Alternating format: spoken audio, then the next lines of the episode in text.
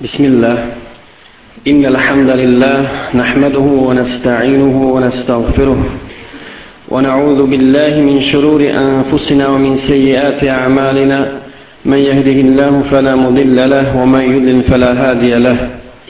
وأشهد أن لا إله إلا الله وحده لا شريك له. وأشهد أن محمدا عبده وحبيبه ورسوله. أرسله الله بالحق بشيرا ونذيرا بين يدي الساعة. من يطع الله ورسوله فقد رشد ومن يعص الله ورسوله فلا يضر إلا نفسه ولا يضر الله شيئا.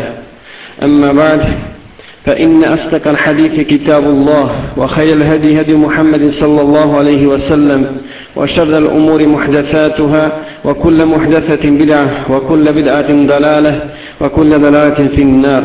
ثم أما بعد قال الله سبحانه وتعالى في كتابه الكريم بعد أعوذ بالله من الشيطان الرجيم يا أيها الذين آمنوا اتقوا الله حق تقاته ولا تموتن إلا وأنتم مسلمون. وقال يا أيها الذين آمنوا اتقوا الله وقولوا قولا سديدا يصلح لكم عظيما. أما أما بعد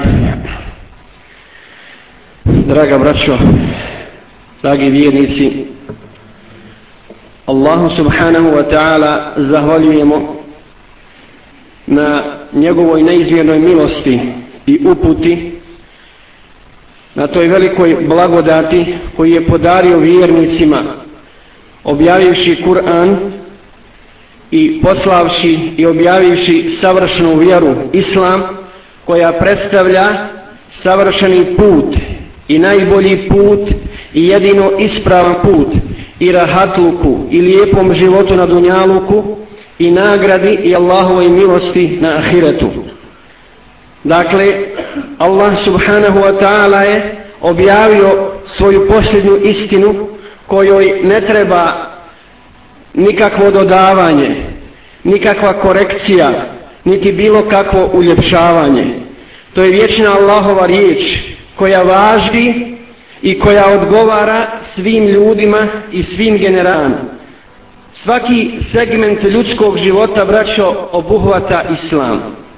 I nema ništa u ljudskom životu, dakle, a da, ga, a da islam ne tretira taj segment ljudskog života i ne samo to, nego ga opremenjuje, daje mu smisao, daje mu smisao i kao što daje smisao čitavom ljudskom životu. Čak i ono što je vezano za običaje. Naravno za običaje koje priznaje islam i koji su u skladu sa Allahovom, sa Allahovom objavom. Nažalost, braćo, mnogi muslimani, mnogi muslimani zbog svog nesvatanja i nerazumijevanja islamske akide, odnosno Kur'ana i sunneta, ne vide to tako. Ne vide to tako. Zbog toga danas muslimani posebno dakle ja govorim o našoj državi ako je možemo nazvati našom uveliko se pripremaju uveliko se pripremaju da dočekaju i proslave ja slobodno kažem i to ću objasniti dokazati da je tako da proslave i dočekaju kršćansko-paganske praznike dakle i na televiziji se o tome govori, u sredstvima informisanja i tako dalje. Muslimani se pripremaju za doček kršćansko-paganskih praznika kao da su to veliki muslimanski blagdani i praznici koji su, koji su vezani za našu akidu, odnosno za našu, za našu vjeru. Allah subhanahu wa ta'ala je nama podario dva, ako se mogu nazvat praznicima, jer u bosanskom jeziku ja ne znam neki pogodan termin za, za, za izraz, za id ili bajram i tako dalje. Možda blagdan, jer praznik upućuje na nešto što je prazno od svakog smisla, od svakog smisla i svake dobrote. E, dakle, Allah Đelešanu nas je počastio sa dva bajrama, sa dva bajrama i to poslije dva veličanstvena ibadeta. Idul Fitr, dakle Ramazanski Bajram, poslije ispoštenog Ramazana, poslije ibadeta u Ramazanu, gdje se vjernici vesele i raduju na način kako je Allah propisao i samo oni znaju osjetiti istinsku radost, istinsku radost e, poslije takvog ibadeta. Što su ljudi, što su Allahovi robovi, što znaju kojim je gospodar i što znaju koga obožavaju. Zato se znaju ispravno veseliti, veseliti za te, za te dane Bajram. I drugi, isto tako koji se dešava poslije ili mogli bi kazati u toku također veličanstvenog ibadeta kao što je hađ u toku tih dana ili na kraju na kraju hađskih obreda dešava se dakle kurban bajram odnosno prinošenje žrtava gospodaru svjetova i također to je dakle dan ili praznik dan veselja veselja muslimana. Osim ta dva dana Allah subhanahu wa ta'ala je braćo muslimanima podario ovaj dan petak. Veliku blagodat i također blagdan kako ga je nazvao poslanik sallallahu alaihi wasallam ovo je također mogli bi kazati bajram muslimana sedmični sedmični blagdan za sve muslimane koji se okupljaju u mesčinima koji Allaha slave i njemu padaju na sežu taj dan. Ta blagodat koja je promakla židovima i kršćanima Allah Đelešanu je počastio ovaj ummetom blagodati. I osim ibadeta koji su vezani za određene blagdane, odnosno praznike, postoje tu i običaj, običaj koji su usko povezani, povezani sa ibadetom. Ono što ja hoću da naglasim, braćo, jeste to da je svaki praznik, svaki praznik kod svih naroda usko vezan za akidu, odnosno usko vezan za vjerovanje kako kaže poslanik sallallahu alejhi ve sellem inna li kulli qaumin eidan wa hadha 'iduna." Za Bajram je poslanik sallallahu alejhi ve sellem rekao to svaki narod ima svoj blagdan odnosno praznik a danas je naš praznik. Dakle Bajram to je istakao poslanik sallallahu alejhi ve sellem. To je naš blagdan i to to mi slavimo proslavljamo po sunnetu rasula sallallahu alejhi ve sellem. Danas, braćo, nažalost, kaže mnogi muslimani, posebno oni koji žive u kršćanskom okruženju, makar u toj državi, bio većinski muslimanski narod, dakle, procentualno bili najbrojniji, najbrojniji muslimani zajedno sa drugim narodima učestvuju u proslavljanju njihovih, njihovih praznika. A proslavljanje nevjerničkih praznika, braćo, kreće se između dvoje, kako kažu islamski učenjaci, između kufra i velikog grijeha. Nema treće. Ili je veliki grijeh, ili se može lahko upasti, zavisi od tvog nijeta, ako zaista s ubjeđenjem tvrdiš da je to istina, da to treba proslavljati, može čovjek lahko upasti u kufr, odnosno otići, otići u nevjerstvo i u zabludu. Ja ovdje govorim jednako o 31. decembru kao i o 25. decembru. Jer ta dva datuma, ta dva datuma su i kako povezana. 25. decembar kršćani slave kao rođenje Isa alaihissalama. Odnosno, oni ga zovu Božić. Zašto? Zato što je po njima Isa alaihissalam Bog neuzubila. I to je dan kada se po njima rodio Bog. Zatim, ali osim toga, dakle, taj dan je, taj dan je vezan i kako za paganske običaje. Kako?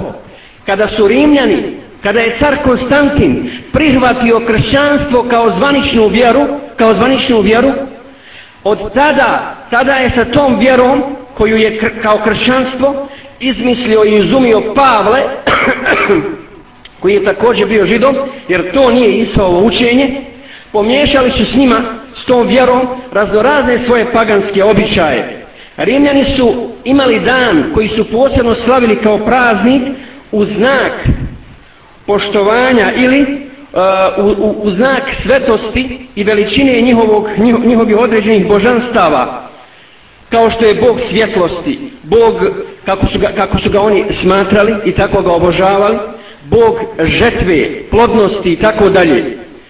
I na taj dan 1. januar, odnosno 31. decembar, oni su uzeli taj dan kroz istoriju svoj da ga slave, povezujući ga sa 25. decembrom, kao, kao kršćanski praznik pomiješan s tim paganizmom. Zato vidimo ako to nije povezano sa akidom zašto onda onaj nesveti Nikola koji je kako povezan s tim zašto je on simbol simbol ovih dana da režljivosti, e, dobročinstva, darova, poklona koje on, koje on obilato, obilato dijeli i nosi, nosi po muslimanskim institucijama, školama, e, obdaništima i tako, i tako dalje. Dijeli paketiće i vidite, ka, vidjeli ste kako se muslimanska djeca u Novom Travniku raduju i kako jedan, jedna muslimanka kao intelektualac otvoreno govori radujući se tome i kaže na televiziji svaki dan djet, po jedno dijete zakasni ili ne dođe u školu ali je interesantno da dan kada je došao sveti Nikola niko nije izostao. Svi su došli da primijete darove. Svi su došli da primijete darove. A pogledajte šta znači braćo proslanje tih praznika i šta znači ko, i koliko su oni povedani s islamskom akidom. Sabit ibn Dahak prenosi da jedan čovjek želio, pošto se zavjetovao da će zakrati kurban, da će prinijeti žrtvu, želio da tu žrtvu prenese u mjestu blizu Mekije, koje se zove Bauane ili Buane, pa je poslanik sallallahu alejhi ve sellem kad je to čuo, upitao ashabe da li su se ovdje prinosile na tom mjestu žrtve kipovima, da li je bio neki kip na tom mjestu? Nema ga više, ali da li je bio nekad? Pa se prinosili, pa se prinosili žrtve, rekli su, nije ja Rasulallah, nije se tu prinosili žrtve nekim kipovima. Pa pita poslanik sa selem zatim, a jesu li se slavili na ovom, pra, na ovom mjestu praznici paganski, džahilijetski? Jesu se na tom mjestu proslavili praznici, kaj nisu ja Rasulallah? Kaj onda možeš zaklapati tu devu. Možeš prinijeti, prinijeti žrtve. Tek tada, tek tada možeš prinijeti, prinijeti tu žrtvu. Da nema nikakvog traga i nikakve veze sa širkom, sa kufrom, sa nevjerom, sa džahilijetskim običajima i njihovim, njihovim praznovanjem. A Allah subhanahu wa ta'ala govori, islamski učenjaci, kuranski ajed, gdje Allah što kaže وَالَّذِينَ لَا يَشْهَدُونَ الزُّورِ one, one koji ne svjedoči lažno, doslovce je tako prevedeno u, prijevod, u prijevodima Kur'ana kod nas. Međutim, u Fesiri kažu da se to odnosi na muslimane, dakle ova lijepa osobina, na muslimane koji ne prisustvuju praznicima nevjernika, koji nisu svjedoci tog batila, te laži, tih neistina i koji s njima ne učestvuju, ne učestvuju u tome. Islamski učenjaci te kako posvetili ovo veliku pažnju. I šehhul Islamiju te imi je napisao knji, svoju knjigu, svoje kapitalno dijelo, Iktidao knjidao se ratom ustakim, koju, u kojoj je između ostalog po najviše pažnje posvetio upravo ovoj temi. Upravo ovoj temi. Govori u, u toj knjizi čak da je u njegovo vrijeme, da je u njegovo vrijeme bilo ljudi, muslimana, koji su slavili i proslavljali određene paganske, odnosno nevjerničke, nevjerničke praznike. Šta bi rekao tek danas? Šta bi rekao tek danas kad bi vidio Nikolu kako s njegovom kapom i bradom obilazi, obilazi muslimanske, muslimanske ustanove. I ne samo to, nego je interesantno da više apsolutno se ne krije, apsolutno se više ne govori o novogodišnjim paketićima, nego se u školi dijete dolazi kod mene kući i kaže babo, hoću li ja primiti božićni paketić? Nije 25. decembra, nego 31. decembra. 31. hoću li primiti božićni paketić? I koliko je darežljiv Nikola, toliko je da režim da svako dijete mora da 10 maraka da bi dobilo paketić. I to božićni paketić. Samo jedno dijete hrvatsko, odnosno katoličko je u tom razredu. Samo jedno. Muslimanka, učiteljica, Sva djeca muslimani. Sva djeca muslimani. Za Bajram nije bilo ni govora o tim paketićima. Ja neću sad govoriti o tome, je to muslim, islamski običaj, bil, bil, bilo smisla ili ne bili, ali govorimo o tome koliko, koliko su muslimani zavedeni i koliko ne vode računa o tome. To je, to je dobrovoljna asimilacija ili nekakav kompleks koji ja također želim, želim da spomenim. I pogledajte kolike se intenzivne pripreme vrše vrše kod muslimana, ako se gledali sve na televiziji, ja sam se ibretio kako gradonačelnik Sarajeva je održao jučer, danas je 16. ako se ne varam, decembar, 17. nije bitno, ima još dosta vremena do te ludnice koja se zove Nova godina ili slavljanje Nove godine, već se Sarajevo priprema, gradonačelnik je sazvao konferenciju za štampu, i nekakve kulturne radnike, radnike da razmatraju to pitanje, to veliko pitanje da bitna u Bosni i Hercegovini. Kako proslaviti novu godinu? Da li pred Skenderijom ili pred nekom drugom tamo građevinom? Pred pozorištem kao i svake godine. Pa se izgleda odluči za Skenderiju zato što je tu po i što će se moći iskupiti 15.000 ljudi, muslimana, da čitavu noć luduju. Da čitavu noć luduju.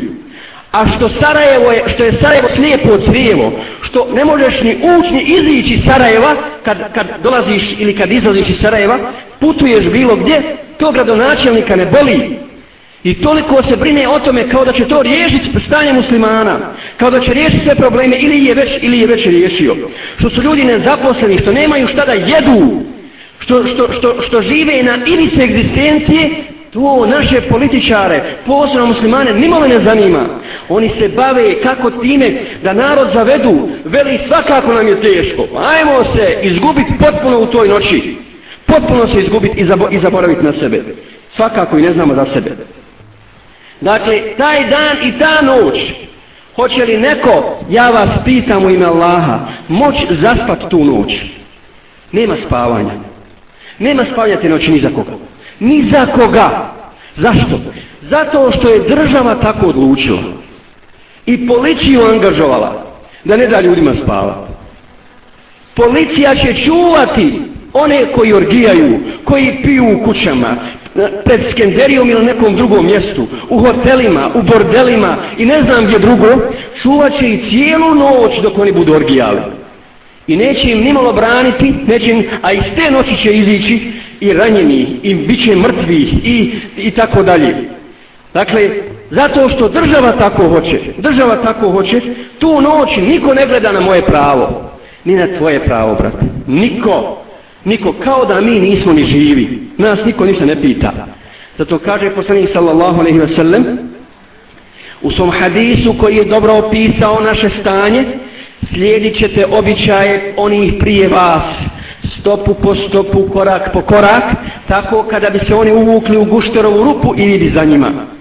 Pa su pitali ashabi, ja Rasulallah, a nisu li to židovi i kršeno zove kitabije? Pa kaže poslanik sallallahu alaihi ve sallam, a ko bi drugi bio? A ko bi drugi bio? Molim Allaha da nas učesti na putu i da nam podari razboritost. Ono što je interesantno, braćo, za muslimane, post, dakle, novu godinu i te nevjerničke praznike, slave ljudi, braćo, koji klanjaju, koji poste, koji su postili Ramazan, Allaha mi, postili Ramazan i klanjaju, možda među ima ima mnogo onih koji klanjaju bez švaka. I svaki dan, na svakom rekatu, na svakom namazu, bio na fila, bio farz, uče ove ajete. Ihdina sirata al-mustaqim. Gospodaru uputi nas na pravi put. Sirata al-ladina an'amta alejhim. Na put onih kojima si dao svoje blagodati. Gajril magdubi alejhim walabdalin. A ne na put onih na koji se rasrdio i koji su zalutali. Ko su braćo? Ko su braćo oni na koje se Allah rasrdio? Nađite i jedan tefsir a da ne stoji tamo da su oni na koje se Allah rasrdio židovi, a oni koji su zalutali su, su kršćani. Molimo Allaha svaki dan da nas ne uputi na taj put, da ne oponašamo one na kojima je Allahova srđba do sudnjega dana i koji su zalutali zbog toga što su napustili, napustili slijeđenje istine s kojim je došao Isa alaih salam. Dakle, interesantno je kako i pored, dakle, da ne govorimo o drugim ajetima za koje muslimani možda ne znaju i ne znaju šta znači i kad bi učili i ako i znaju, nego Fatihu svi znaju. Uče i mrtvima i živima. I ove ajete znaju svi u prevodu, Ali pogledajte kako se opet povode, povodimo za nevjernicima. A poslanik se kaže: "Men tashabbaha bi qaumin fa huwa minhum." Ko ponaša jedan narod, on njemu i pripada. Ko ponaša jedan narod, on njemu i pripada. I pomeni koja su dva dvije glavne stvari koje se koje se i te kako dobro vide vide iz ovog ponašanja nevjernika. Prva stvar jeste, braćo, neosviješćenost muslimana, ona vjerska neosviješćenost. Sa njom dolazi, dolazi i ona nacionalna, ali ona nije toliko bitna. Ona nije, jer muslimani nisu ni nacionalno osviješćeni u ovoj, u ovoj državi, u ovoj državi. A kamo li vjerski? Da su vjerski osvješćeni, da istinski razumiju akidu Allahu, objedu Allahu u vjeru, ne bi, ne, bili, bi, bili bi osvješćeni nacionalno. Znali bi, znali bi cijeniti svoje vrijednosti, svoje vrijednosti i vjerske i kulturne i nacionalne. I druga stvar jeste kompleks kompleks niže vrijednosti zbog toga, upravo zbog toga što ne znamo ko smo, ni šta smo, ni šta, šta u stvari hoćemo. Dakle, hodamo i živimo bez ponosa, bez istinskog stava, bez osjećaja, osjećaja za dobro, za lijepo, bez ljubomore za istinske islamske vrijednosti, istinske islamske s nas je Allah Đešanu počastio, bez ljubomore za naša prava, s kojima nas Allah stvara kao ljude, a kamoli još kad smo muslimani? Kao muslimani, osvješćeni vjernici i te kako znamo još više šta su naša prava i kako se bori za naša prava. Zato nam ne smijeta, braćo. Zato nam ne smeta, muslimanima u Bosni i Hercegovini ne smeta, ni novinarima, ni političarima, ni bilo kome drugom intelektualcima i neintelektualcima što je Nikola počeo sa prvim decembrom možda je pogriješio da sa prvim decembrom počeo da dijeli paketiće od tog decembra ne od 1. januara ili od 31. januara to on, i što se svaki dan reklamira i prikazuju božićni programi već od 1. decembra Ramazan je smetalo za Ramazan je smetalo fed, ne drugim televizijama, o tom neću ni govoriti, nego nekakvoj federalnoj televiziji, koja bi trebala da bude naša televizija, jel? Smetao im je ramazanski program i to kakav? Da se samo prouči odloma Kur'ana i ezan za iftar. Ništa više. Ništa više. Jer kažu ne možemo naći ekvivalent tom o, ibadetu koji traje čitav mjesec dana u drugim vjerama i zato nećemo ni vas, ni vas prikazivati. A pogledajte, Božić samo jedan dan. Ali se prikazuje Božićni program mjesec dana prije Božića i mjesec dana poslije Božića. Je li ovo istina ili nije, u to, će, u to se možete uti. U to, se, u, to, u to ćete se uvjeriti. Dakle, nema ekvivalenta u, u drugim vjerama islamu. Hvala Allahu da nema. Tako treba. I nema. Ne može ga ni biti. Jer je to Allahova vjera i Allahova objava. Dakle, njihov jedan dan se slavi mjesec dana prije i poslije. A da ne govorimo o njihovim pravima, onih koji su napadali ovu državu, koji su nas klali i ubijali nemilice i borili se protiv ovakve države, u kojoj danas oni žive i uživaju slagodati daleko više od nas. Zar Republika Srpska nema svoju televiziju? Ko će njima zabraniti da dan i noć prikazuju svoj vjerski program? Ko će im to zabraniti? Ko će hrvatskom kisu narediti da prikazuje program koji se njima ne sviđa? I da, pri, da, da prikazuju božični program od juna pa, pa, pa, pa, do, pa, pa do januara? Niko! Na OBN-u, na federalnoj televiziji također, koja treba da bude naša televizija, na Hayasu će im da koliko hoćete prostora. Gdje je muslimanska televizija?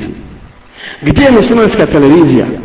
I kada Rej Lema upozori samo na raz koji se šipe kod tih medija, samo jednom rečenicom svi ga napadnu a na čelu kolone tih napadača su muslimani. Nekakvi muslimani sa muslimanskim imenima. Dakle i njemu i svim ostalim muslimanima iz inata radi neke stvari. Onda su kad je on napao to namjerno doveli u emisiju nekakvog centralnog zatvora koja nikakvog smisla nema doveli su homoseksualca muslimana homoseksualca muslimana da dokažu kako među muslimanima postoje pod navodnicima napredni ljudi koji su homoseksualci, koji žive u Americi i tako da. I svi ga hvale. Hvale ga voditelj koji je musliman i oni koji se javljali osim muslimana, alhamdulillah, koji istinski vjeruju Allaha Đalešana. Ovi ga hvale i podržavaju prije svega 100% to što je musliman, ni zbog čeg drugog. A između ostalog, eto, podržavaju nekakvu demokratiju i zapad način života. Zatim, pogledajte crnu ruku ako gledate. Ponekad onako uključim televiziju ima neka serija Crna hronika. Sad zadnje dvije ili tri epizode sve su posvećene borbi protiv vehabizma. Tamo neki otrcani one face srpsko-hrvatskih glumaca okupili su se u toj seriji i po Istanbulu i po ostalim europskim gradovima hvataju vehabije. Zašto? To će postati trend, braćo. Ne zaboravite da će to postati trend kada će se samo nekakve vehabije ganjati jer su oni destabilizirajući faktor, a zaboravit će se, jer se već zaboravio, genocid, klanja, ubijanja, zločima, kakvi zločinci? Ti si najveći zločinac i opasnost jer si musliman, a posebno kad te obilježi on sa tim epitetom veha, vehabija. Niko na to ne reaguje. Niko na to reaguje, ne reaguje. I toliko će pokušati da iskompleksiraju muslimane. Nemojte čuditi ako vas sutra neko sretne od najvećih koljača i četnika ili ustaša, pa vas pita, jel te stid što si musliman? Vidi kakva je vaša vjera. Vi ste svi teroristi, vi ste svi ubice. Mada je situacija potpuno obrnuta. Potpuno obrnuta. Ali muslimani nasjedaju na tu propagandu, posebno oni koji ne praktikuju, koji ne praktikuju islam. I zato nije čudo nimalo u takvoj situaciji što nasaru čije svjedok jedan, jedan, jedan dokazani četnik iz likovac i fašista. Dokazani iz likovac, jer se poigraju na taj način sa, sa islamom i sa muslimanima. Ja ne govorim, braćo, ne, ništa protiv, protiv njihovih praznika kad su oni u pitanju. Neka slave koliko god hoćete praznike. Ja se u to ne miješam, mi kao muslimani se to ne miješamo. Ali govorim kako je moguće da musliman koji zna za kuranski ajet ve ta'avanu ala birri wa takva wa la ta'avanu ala ismi wa udvan mažete se dobročinstvi i bogobojaznosti a ne u nasilju i u grijehu kako može čitavu noć provesti gdje caruje alkohol, droga, psovka i tako dalje kako može provesti, provesti sa, sa onima kojim vidi da se poisto vječi s njima Kako tu razlikovat koji je musliman, koji je musliman? Allaha mi ne može toliko napraviti razliku. Niko tu razliku ne može napraviti. Dakle, u tome, u tome je problem. Zbog tog naše kompleksa, tu našu dezorientiranost, naš, našu vjersku neosjećajnost i neosvješćenost, naš nekakav anacionalni karakter, ja bih ga tako nazvao, naš oportunizam i kako god hoćete, najbolje opisao Resul sallallahu alaihi ve sellem, kada je rekao u hadisu svom, okupi se protiv vas narodi, kao što se gladni ljudi okupe oko sofre, pa su upitali ja Rasulallah, hoće zbog toga će nas biti malo, neke nego će vas biti puno, ali ćete biti kufaun, mulj, mulj, ke gufa isel kojeg nosi voda. Mulj, od njega nema nikakve fajde, nikakve koristi, nisi ličnost, nemaš pravog stava, ne hodaš ustavno, i onda može da ti gazi kogod hoće. Kad sam svoj ponos gaziš, kako ćeš hodati uspravno? Kako ćeš da te neko drugi poštuje? Da neko drugi uvaža, uvažava tvoje, tvoje vrijednosti? Ako i ti sam ne uvažavaš i ako i ti sam ne praktikuješ i ako ne znaš jesu to istinske vrijednosti ili nisu. Molim Allaha subhanahu wa ta'ala da nas uputi na pravi put da otvori oči muslimanima, da im podari istinsko razumijevanje vjere Allahovi propisa Kur'ana i sunnata, da nas učesti na putu istine, da ubrza pobjedu svoje istine da uništi kufr i nevjernike i kolovođe kufra da nam oprosti i da nas uvede u džennete. Amin. قولوا قولي هذا واستغفر الله